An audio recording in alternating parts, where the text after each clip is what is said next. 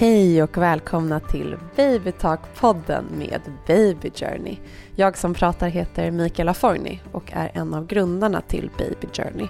Och om du inte känner till oss så är vi en gravid och småbarnsapp som försöker att avhandla hela universumet och allt som rör bebisresan. Vi vill vara inkluderande, vi vill att du ska känna dig mindre ensam i din resa och vi vill förse dig med den information och kunskap som du kan tänkas behöva ha med dig. Eh, I dagens avsnitt av Babytalk-podden så kommer jag att prata med eh, Emelie som har gått igenom hela fyra kejsarfödslar. Eh, hon har faktiskt gått igenom alla tre olika typer av kejsarsnitt, alltså urakut, akut och planerat kejsarsnitt. Och hon kommer att berätta om de här förlossningarna för oss, varför det är viktigt att prata om kejsarsnitt, eh, hur man kan tänka kring kejsarsnitt och hur hennes egen eh, resa med de här kejsarsnitten har sett ut. Jag blev väldigt imponerad och blown away av Emelies otroliga energi, hur positiv hon är trots att hon har gått igenom en del tuffa förlossningar eh, och eh, hur positivt hon ser på eh, livet, framtiden och familjen. Så jag hoppas att ni kommer tycka att det här är ett lika mysigt avsnitt som jag tyckte att det var att spela in det. Varmt välkomna och nu kör vi!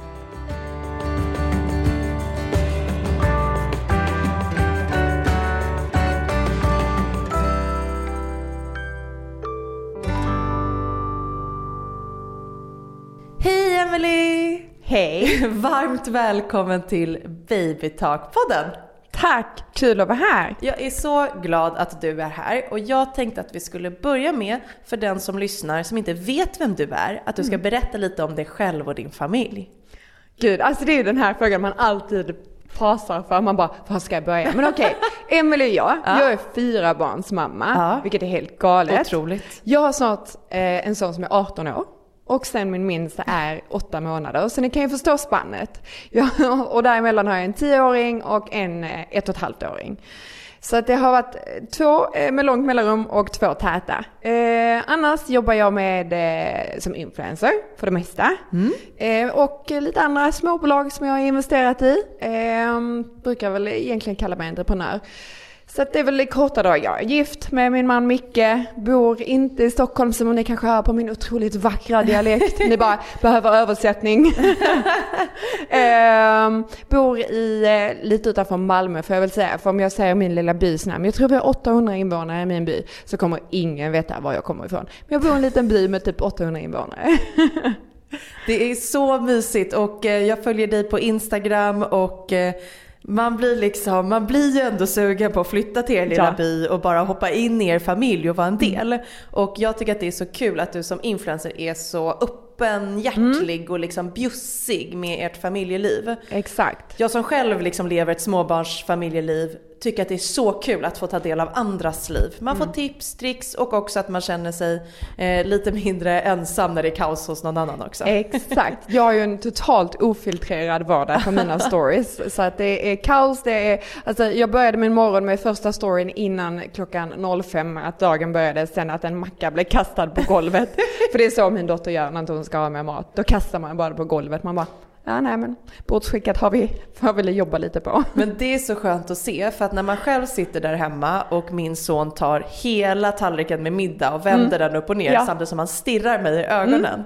Då kan jag ju känna att vad är det för fel på mitt barn? Ja, ja. Men sen när jag ser någon annan lägga upp det på sociala mm. medier, då tänker jag så här, shit vad skönt, det är inte bara jag, det är inte bara vi som strugglar och jag Exakt. som blir provocerad och mitt barn som vill jävlas med Nej. mig. Andra barn jävlas också, skönt.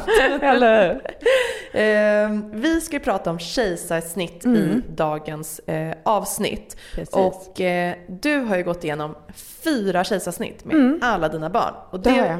Du har ju också gått igenom eh, de tre kejsarsnitten som man kan gå igenom. Det vill mm. säga urakut, akut och planerat kejsarsnitt. Precis. Kan inte du berätta om dina förlossningar? Jo, det kan jag. Eh, min första förlossning Ja, men jag tänkte som alla andra, jag vill egentligen ha en hemförlossning från början. Mm. Vi, vi började liksom i den ändan. Ja, men, det var verkligen det extrema. exakt. Jag vill liksom helst sitta i en skog och föda barn. Eh, men hur som, jag var 21 år gammal, tänkte att det här kommer gå jättebra, jag ska inte ha någon smärtlindring, kanske lite lustgas sådär, det kommer gå skitbra. Åkte in till förlossningen, det gjorde så hejdundrandes ont. Det gjorde så fruktansvärt ont, jag hade verkar konstant. Mm. Eh, men krigade på liksom i 12-13 timmar, var öppen 10 centimeter, han kom liksom ner i kanalen eller vad mm. jag förstår. Jag är ju inte så insatt i vaginala förlossningar som ni kanske förstår. eh, så att allting var liksom good to go. Och helt plötsligt så bara vänds allt upp och ner. Eh, för såklart har de ju stenhård koll på bebisen och, all, och eh, på mamman under tiden. Helt plötsligt så ser man att hans hjärtljud försvinner, jag börjar försvinna och på 10 sekunder ungefär typ så är jag sövd och borta. Eh, så när det är de här omedelbara eller urakuta snitt eh, så är det så extremt snabbt jobbat. Mm. Eh, det som är väldigt jobbigt med ett sådant snitt är ju att det blir ju sådant trauma för att du har ju ingen aning. För jag, jag ligger ju där och föder barn mm. eh, och fattar liksom att okej okay, nu är någonting fel men tio sekunder senare så är jag inte med. eh, och sen vaknar jag upp själv i ett eh, uppvakningsrum eh, utan barn, utan någon sköterska för hon har ju inte koll på mig hela tiden när jag öppnar mina ögon. Och bara, vad hände? Var är mitt barn? Får total panik kommer in en sköterska som bara, ja, ditt barn ligger på neoavdelningen. Vi vet inte hur det är med ditt barn. Och ja men du vet, kaos, kaos, kaos, kaos, kaos. Vad är det för tankar som går i huvudet? Ja men alla tankarna som går i huvudet där är ju fruktansvärda. Det enda mm. man vill är ju att komma till sitt barn, men man ligger ju där själv med smärta och man mår inte så bra för vid urakuta snitt så blir du ju helt sövd. Så du har ju liksom eh, hela narkosen du ska vakna upp ur och så. Sedan eh, kommer i alla fall min eh, mamma och förklarar att Dexter heter min äldsta son. Att, jag blir alldeles tårögd när jag pratar ja, om detta. att han lever mm. men behöver hjälp liksom.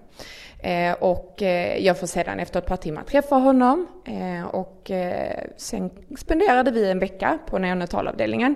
Jag fick sova i ett eget rum och han i akutrummet. Eh, allting slutade jättebra. Dexter är snart 18 bast, världens underbaraste mm. kille.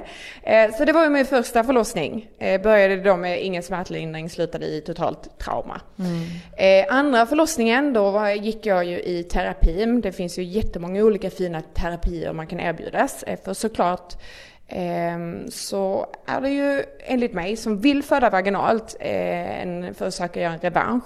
Så jag gick i terapi, pratade jättemycket om att klara av att föda igen mm. och att det kommer säkert gå bra och sådär. Eh, såklart så låg min lilla bebis i, i säte. Så vi bestämde då, gjorde en plan, gjorde ett vändningsförsök och satte igång förlossningen. Och i tre dygn låg jag där och kämpade och kämpade. Mm. De bara, ska vi inte göra ett snitt? Jag bara, nej, nej, nej, nej. Eh, men på tredje dygnet så sa de, vet du vad, nu får inte du bestämma längre, nu blir det ett akut snitt.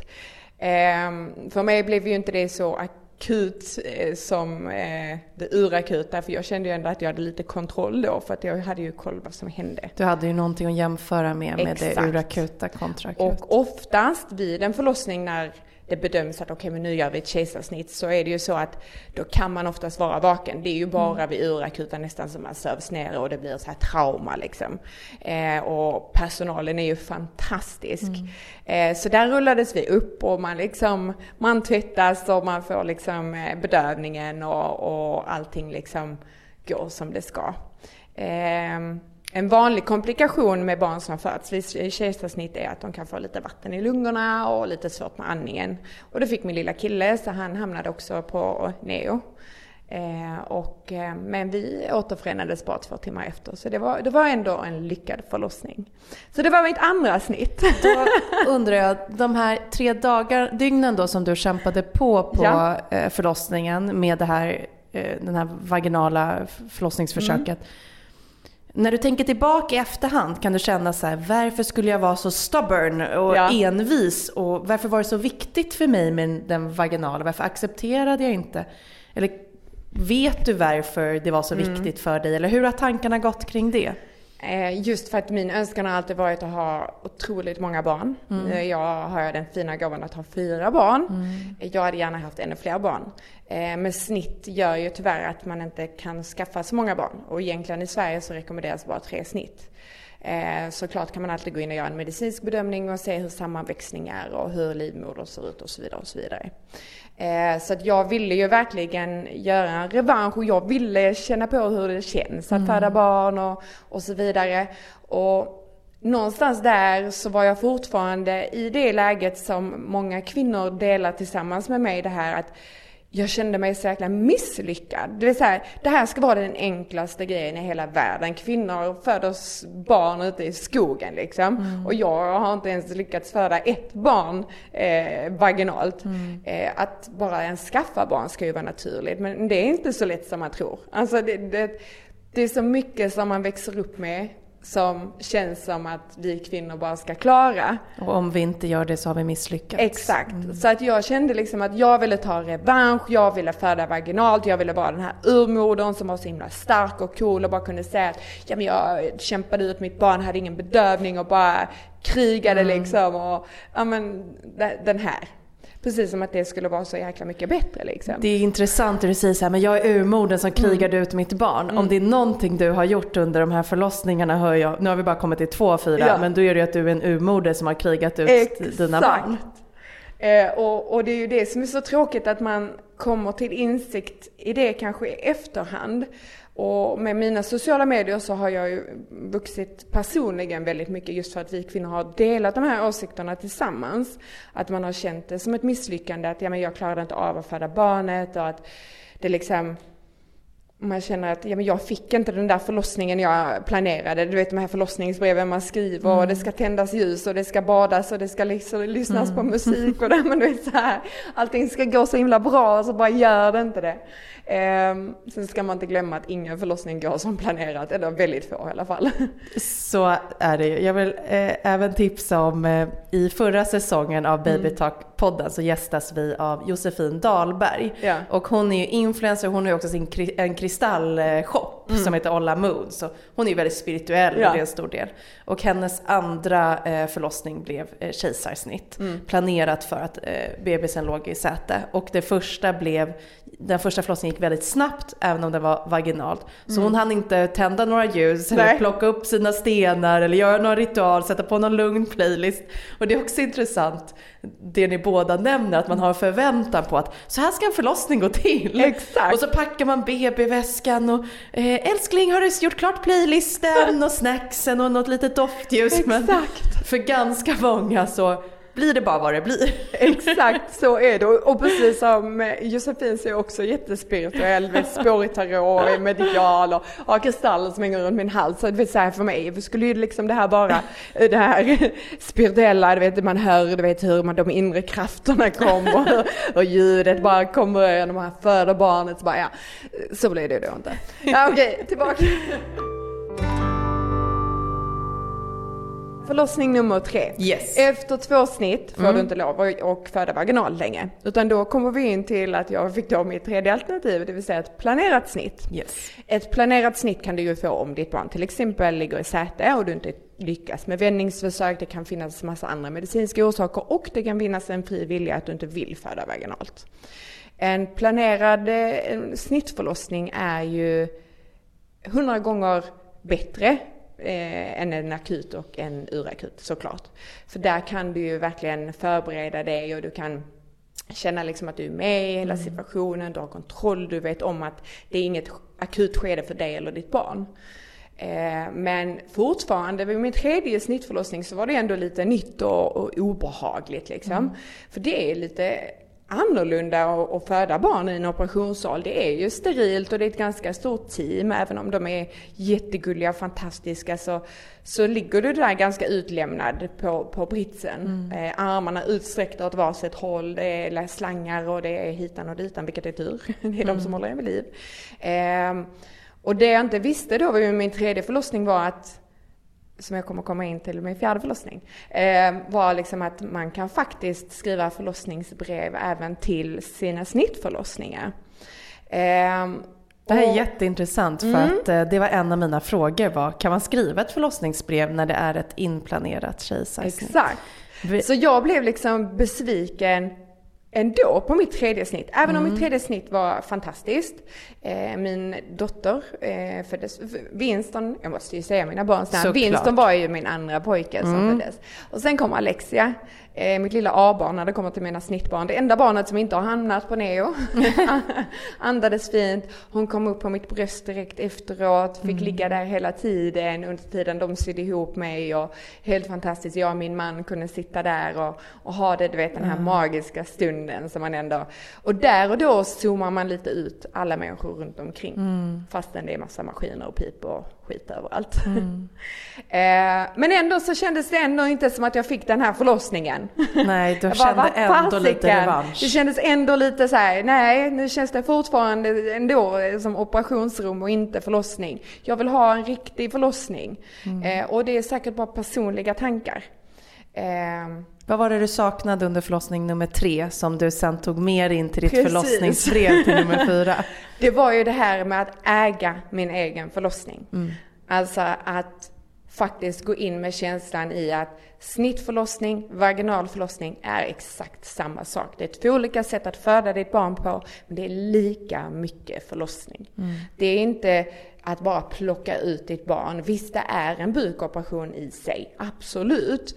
Men det är faktiskt en förlossning. Det är en födsel av det vackraste vi har, vårt barn liksom. Eh, så att där fick jag liksom en tankeställare att vet du vad, jag ska planera min, mitt fjärde snitt som om det vore vilken förlossning som helst. För det är det. Och där hade jag landat personligen i att inte vara besviken på mig själv, inte vara besviken på min kropp och liksom verkligen landat i att nu, nu kör vi liksom. Wow. Ehm, Så jag skrev ett långt förlossningsbrev. Du vet, man kan välja playlist även i operationssalen. Och berätta vad det stod i det här förlossningsbrevet då. Det stod, det, ja, det här är så himla roligt för att eh, det här är ytterligare en sån här grej som kommer att avslutas katastrof. Eh, I mitt förlossningsbrev i alla fall så stod det att det skulle vara, det skulle vara eh, valfri musik för jag vill att eh, de här som opererar ska ha feeling för det är ju de som ska ha feeling så jag tänkte Förvisso sant alltså. Så Smart jag tänkte, grej. jag, jag bara, jag vill att ni ska välja er favoritmusik. Jag skulle vara med min man, min önskan var att få upp mitt barn direkt på bröstet, eh, så han kunde få, du vet, börja amma direkt. Eh, jag ville att all personal, förutom man har en som övervakar en väldigt mycket under tiden, ska liksom ta ett litet steg tillbaka om möjligt, så att vi kunde få vår lilla stund. Jag ville fota, jag ville filma, jag ville liksom få alla de här grejerna, för att jag har inte en enda bild, eh, förutom från eh, min tredje snittförlossning, där fick jag en bild liksom, av en snäll barnmorska som tog en bild. Men annars har jag inga bilder från mina förlossningar. Liksom. Inga minnen, ingenting. Eh, så där skulle jag liksom både filma och fota och vi skulle ha vårt magiska lilla stund där. Och, och jag ville liksom verkligen ta emot mitt barn. Eh, summan av kardemumman slutade med att jag fick corona. Det- här skrev ju du om och jag vet att många medier plockade upp det här. Eh, Att du, du, du fick då corona några dagar innan ditt inplanerade fjärde snitt. Hur var det när du Nej liksom alltså, testade snälla. positivt? Vi satte oss i karantän, Fjor, alltså det är så här 14 dagar innan. Fem dagar in i karantän så bara min man bara, jag känner mig lite snuvig. Jag bara, nej det gör du inte. Han bara, jo. Ta ett självtest, visa positivt. Jag bara, alltså skojar du eller? Vi har krigat oss igenom två graviditeter i corona. Vi har krigat oss igenom två år av en pandemi liksom. Och nu, nu, Nu passar nu ska du få corona. Vad är det ett skämt? Och sen så du vet, ja, ett par dagar senare fick jag ju också det. Och jag ringde, Går det att göra någonting annat än att skratta? Alltså så här, blir Nej, nej, man alltså- arg eller är det bara att man känner så här Alltså, uppgivenhet och garv typ? För Först så bara började jag ju storgråta. Jag tänkte bara mitt liv är över. Eh, Men efter det så tänkte jag bara okej, strategen inom mig, Mm. vet, företagaren. Ringer dit så bara, vet du vad? Eh, Jag vill ändra mitt datum om det är möjligt. Jag vill flytta fram det för vi var ändå ganska långt fram i tiden. Så att jag kan få lov att ha en vanlig förlossning. För det här skulle ju vara min revanschförlossning. Ja. Det roliga är att jag har verkligen pratat så mycket om att min fjärde snittförlossning skulle vara liksom det skulle vara this is the one. eh, avsluta på topp. Eh, men det gick inte utan de sa att så länge du mår bra för att jag hade, alltså jag hade lite snuva, det, mm. var, det var det. Mm. eh, så kör de på och att det finns speciella rum som man kan vara med och att det inte är någon fara för bebisen eh, att födas, eh, eller vara med sin förälder eh, mm. som föds med corona. Så jag tänkte jaha, ja okej okay då. så var det inte när vi väl kom fram. utan jag föddes barn med min mamma eh, som inte hade corona. Eh, och det olyckliga i historien som i sin tur sedan har benats ut och liksom rätts ut var att det fanns bara två stycken coronarum på neonatalavdelningen och de var uppbokade. Mm. Så därför separerades jag och min son såklart. För mm. att jag kan ju inte befinna mig på neonatalavdelningen om jag har eh, corona såklart. Nej, med om massa jag inte... små Precis. prematura bebisar. Precis. Ja. Så eh, inte förrän det blev ett ledigt rum, alltså ett isolationsrum mm. eller vad det kallas, ja. kunde jag eh, träffa min lilla bebis som var eh, väldigt sjuk när han föddes. Eh, så det var fruktansvärt. Det var nog en av de hemskaste upplevelserna jag har varit med om. För där gjordes beslut över mitt huvud. För, att jag inte fanns på, för jag fanns inte på plats. Mm. Och finns inte vårdnadshavare på plats så är det ju den läkaren som är där. Så han skickades iväg på röntgen, det togs massa prover, det gjordes liksom allt. Och jag hade ingen aning om vad som hände med mitt barn. Ehm, men ehm, så var det med det och det var... Vad, eh, vad var han för sjuk? Han hade fått med i väldigt, väldigt mycket vätska i lungorna, vilket mm. är vanligt. Eh, det brukar rätta till sig ganska så snabbt med CPAPen, men det gjorde inte det på honom. Så de var rädda för att det hade läckt ut eh, någonting i lungorna mm. eller väldigt oklart för i och med att jag inte var där så fick jag inte så mycket information. Så han låg eh, ett par dagar faktiskt med eh, CPAP och sondmatades eh, och fick donerat bröstmjölk och sen började han komma på bättringsvägen. Blev lite akutlarm och så under tiden när vi var där. Fruktansvärt och hemskt men jag är ju så himla tacksam för den vården vi har i Sverige. Mm. Ehm, så ännu en gång så blev ju inte förlossningen som planerat. Du har ju fyra förlossningar där ingen har gått som planerat. Fyra är ju fler än vad de flesta faktiskt ja. Eh, går igenom om man tittar på statistiken. Ja. Men du nämnde också i början att det rekommenderas att man inte ska göra mer än tre mm. kejsarsnitt. Så hur såg det ut när den fjärde graviditeten? Precis. Eh, jag visste redan vid mitt tredje snitt att jag ville ha eh, fler barn. Så jag frågade när eh, min mage var öppnad så att säga mm. hur det såg ut och då kollade de att det inte fanns någon, eh, någon lite ärrvävnad, livmoderväggen var tjock eh, och att det såg fint ut och att man bedömde att det skulle kunna vara möjligt för en graviditet till. Men såklart så ökar riskerna för mellan tredje till fjärde snittet så ökar eh, risker för att moderkakan ska fästa sig i ärret eller att moderkakan ska eh, flyta ut i magen. Det är väldigt svårt att förklara. Det, jag vet inte om det heter placenta creta eller placenta... Jag vet faktiskt inte det korrekta mm. namnet. Eh, det finns allvarliga komplikationer. Eh, så jag gjorde så att i tidigt skede så eh, gick jag och kollade i vecka sju eh, och då såg man att moderkakan inte hade fäst i närheten av snittet och att vi kunde fullfölja graviditeten. Mm. Ja. Vilken tur. Mm. Du delade ett inlägg på Instagram för ett tag sedan som blev väldigt uppskattat och där skrev du så här. Att göra kejsarsnitt är inte ett misslyckande. Vi får ofta höra att kvinnor är skapade för att föda barn, att det är det mest naturliga i världen.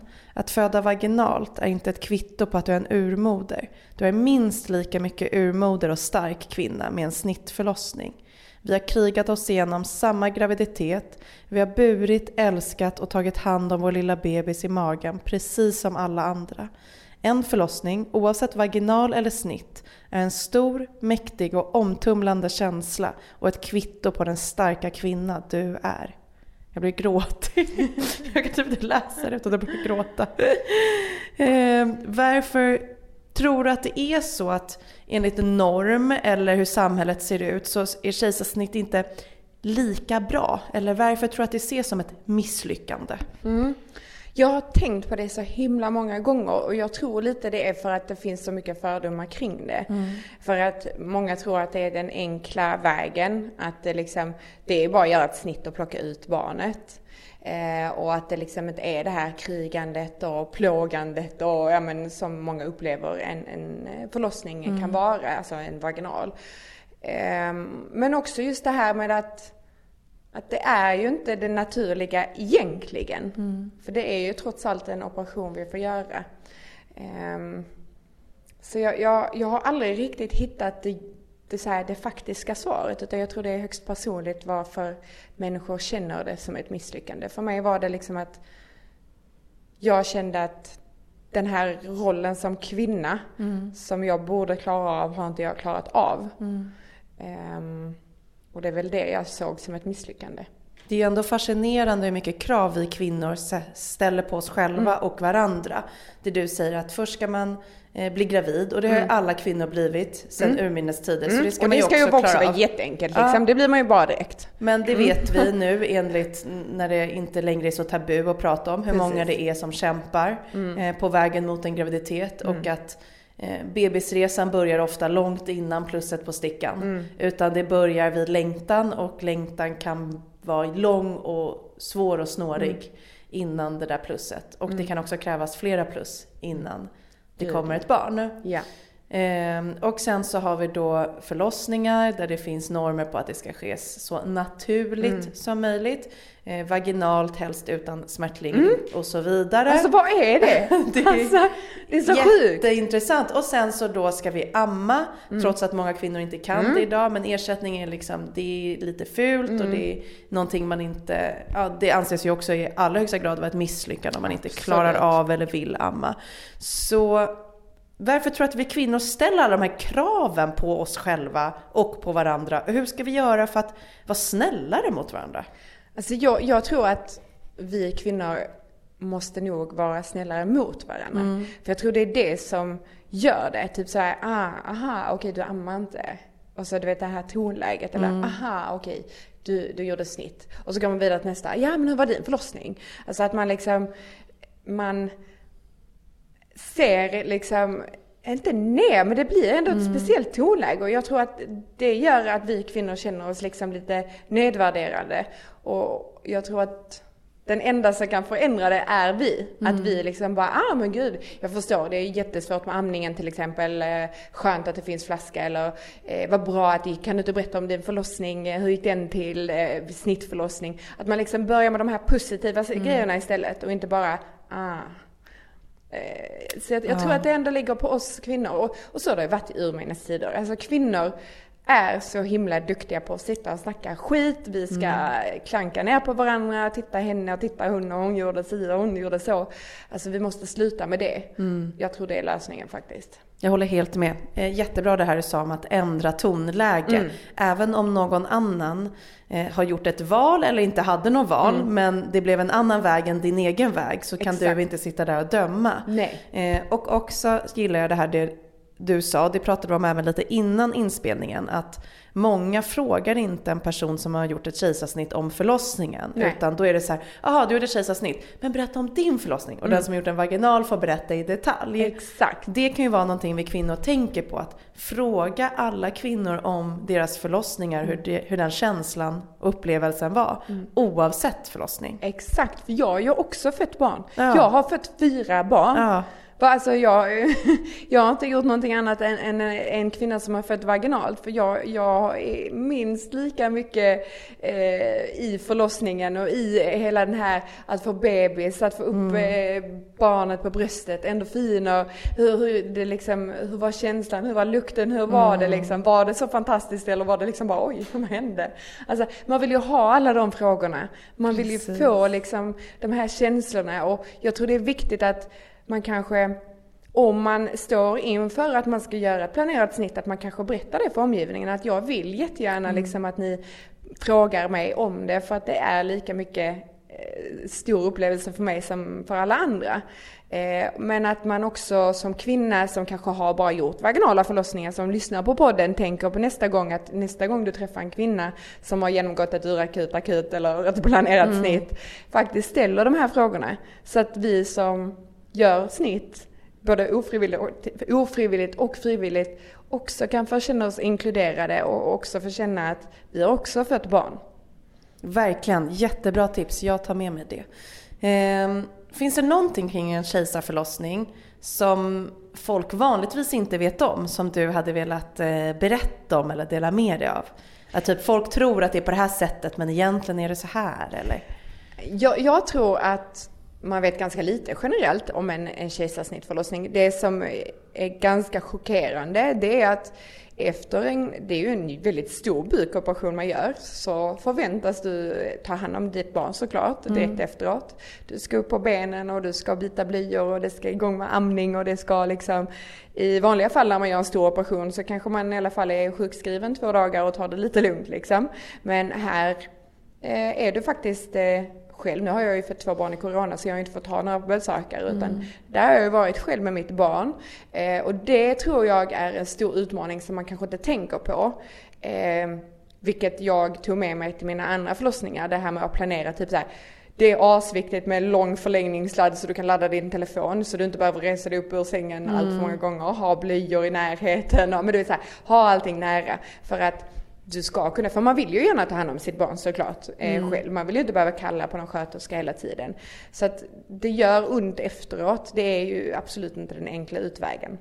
Och även om du får smärtlindring så gör det fortfarande fruktansvärt ont. Mm. mm. Det är ju någonting som flera som eh, jag har pratat med både i podden och utanför kring kejsarsnitt säger att så här, eh, själva förlossningsskedet mm. kanske inte gör ont för att Nej. du är bedövad och inte känner så mycket. Men läkningsprocessen efteråt är väldigt smärtsam och lång mm. och eh, kan också innehålla komplikationer Exakt. och det ska man ha med sig. Att mm. Det är på inget sätt en enklare väg ut Nej. än den vaginala. Det är bara helt Exakt. olika upplevelser, olika smärtor vid olika tillfällen. Exakt. Ditt urakuta snitt, du mm. sa att det var ett trauma och att du gick i terapi efter och skulle göra revansch. Eh, mm. Eh, urakut var ju då förlossning nummer ett. Eh, hur hanterade du det traumat? Hur kom du vidare efter det och lärde dig att bli ett med den upplevelsen? Mm. Det tog mig åtta år eh, innan jag skaffade mitt andra barn. Mm. Eh, jag eh, de första dagarna så var jag nog nästan i förnekelse. Läkarna kom till och med liksom till mig varje dag bara du vet om att det här och det här har hänt, vi vill gärna prata med dig om hela situationen så du förstår. Jag bara, nej men allting är jättebra, jag ska ha fokus på mitt barn.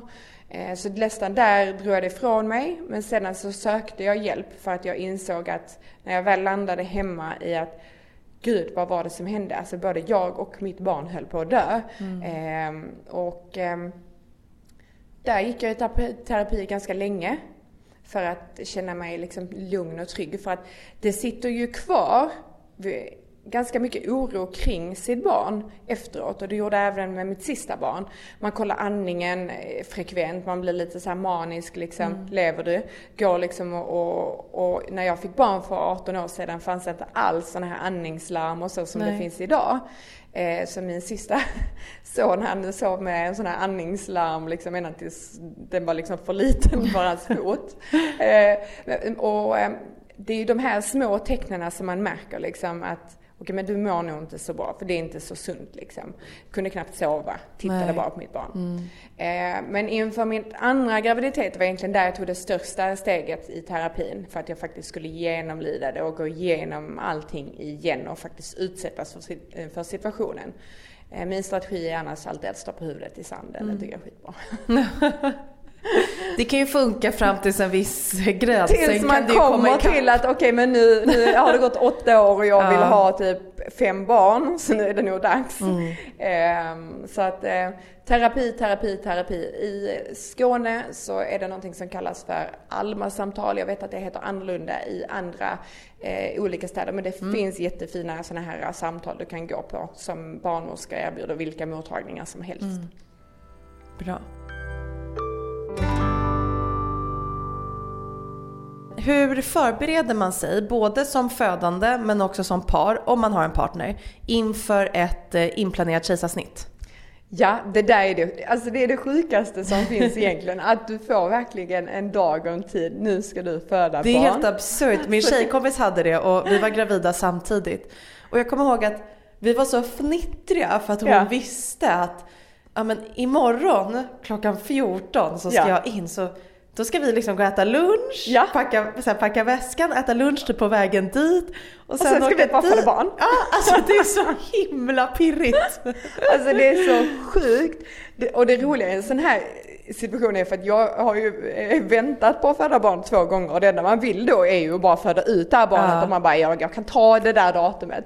Men sen är det ju en charm i att vänta också bara när händer det ja. liksom.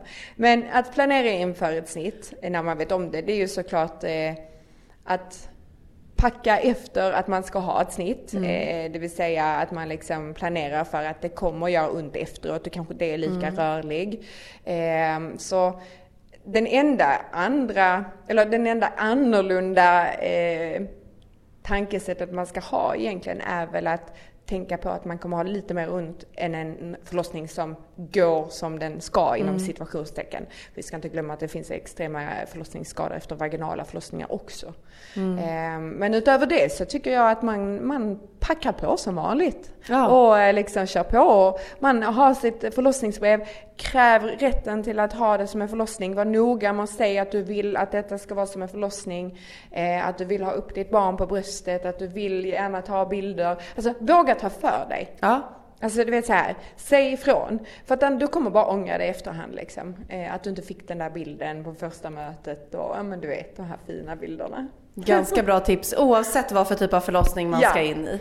Precis. Att kräv din rätt och be om det ja, du behöver och var inte rädd för att höras. Nej. Det är din förlossning. Exakt, det är så himla mm. viktigt. Läkningsprocessen efter ett kejsarsnitt? Är det någonting du tycker att man ska ha med sig antingen mentalt eller eh, ja, men praktiskt inför att klara av den läkningsprocessen? Eh, lyssna på råden, ja. eh, 100%. Och gör du det så kommer det gå bra. Det, det är liksom att du ska inte lyfta tungt på sex veckor och så. Och det var jättetufft för jag hade ju en eh, liten flicka som bara var ett år när jag kom hem eh, efter mitt eh, mm. fjärde snitt. Eh, så jag fick inte bära henne på sex veckor. Men att verkligen vara noga med det för det är ju ändå din kropp och du vill inte att det ska spricka upp liksom. Sätt dig på golvet och lek med barnet och, så du ändå kan krama om och mm. omfamna och så. Men man får jättegoda, man får en liten broschyr med sig hem vet du. Och det är bara att följa den. Underbart. Varje avsnitt så avslutar vi med en lyssnarfråga från våra användare. Mm. Eh, och dagens lyssnarfråga låter så här. Jag är livrädd för att hamna i en situation på min förlossning där det kommer bli urakut eller akut snitt och allt bara kommer bli väldigt stressigt och kaosigt. Hur kan man mentalt förbereda sig inför något sånt ifall det händer? Så att man inte får världens panik i den situationen. Lyssna på denna podden. eh, nej men läs på om kejsarsnitt. Prata med om kejsars, kejsarsnitt. Eh, fråga din barnmorska. Eh, läs kanske någonting på nätet så att du ändå har koll. För att om du har kunskap så ger det dig ändå trygghet. Och det var det jag fattades vid mitt första urakuta. Jag fattade ingenting mm. av vad som hände och det är ju det som är det obehagliga. Mm. Och samma vid, vid det andra, vid det eh, akuta snittet. Att jag liksom, där hade jag ändå lite mer koll på läget, okej okay, men jag vet vad som sker. Att man liksom läser på att man åker in i, i ett operationsrum, där kommer finnas personal som tar hand om dig. Du kommer få träffa ditt barn om det inte är ett ur, ur, urakut.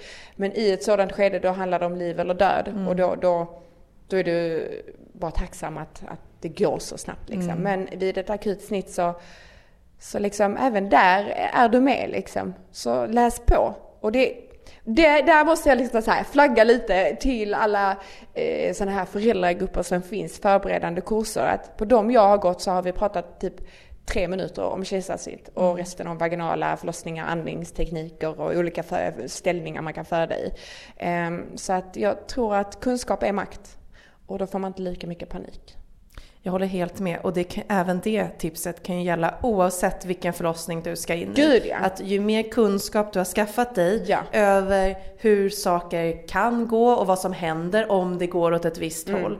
Eh, desto mer eh, trygghet kanske du känner och Exakt. kontroll i den situationen. Ja. Så du inte hamnar i ett läge där du känner att du tappar kontrollen, du drabbas av panik eller du känner att folk, det tas beslut som du inte Exakt. är medveten om eller förstår eller... Men om du vet liksom att okej, men blir det ett akutsnitt, okej, men då är det eh, bedövning. Jag blir bedövad från midjan och neråt. Jag kan förhoppningsvis vara vaken. Jag kan eh, träffa mitt barn direkt. Det är inga större konstigheter inom situationstecken än så. Det kommer gå bra ändå. Då kanske det inte är lika hemskt för att om du inte har den informationen så förstår jag till 100% vad hon säger. Alltså att gud, vilken panik. Eh, vad Precis. händer nu? Vad, vad ska jag sövas? Vad händer? Vad ska jag? Eh, men om du ändå har den eh, informationen så kan du ändå landa i att, men vet du vad? Snart ska jag få träffa min bebis. Det här kommer gå bra ändå. Mm, jättefint. Eh, och eh, som du säger, många kan ju vara väldigt rädda över någonting specifikt när du ska in på en förlossning. Och det kan ju vara snitt, det kan vara sugklocka eller mm, någonting där man känner att nej men jag vill verkligen inte det här. Exakt. Men ibland så hamnar man i ett läge på en förlossning där man inte har något val, där man måste göra någonting man Exakt. inte vill. Och då kan det ju vara bra att vara påläst eh, så att man rent mentalt kan ladda om inför den eh, Exakt. situationen om den sker. Gud vad härligt. Kunskap är makt och så tycker Visst. jag att vi avslutar dagens podd. Emelie, tack snälla för att du ville komma och gästa och prata så öppenhjärtligt om dina förlossningar och kejsarsnitt. Tack själv, kul att vara här. Hej då!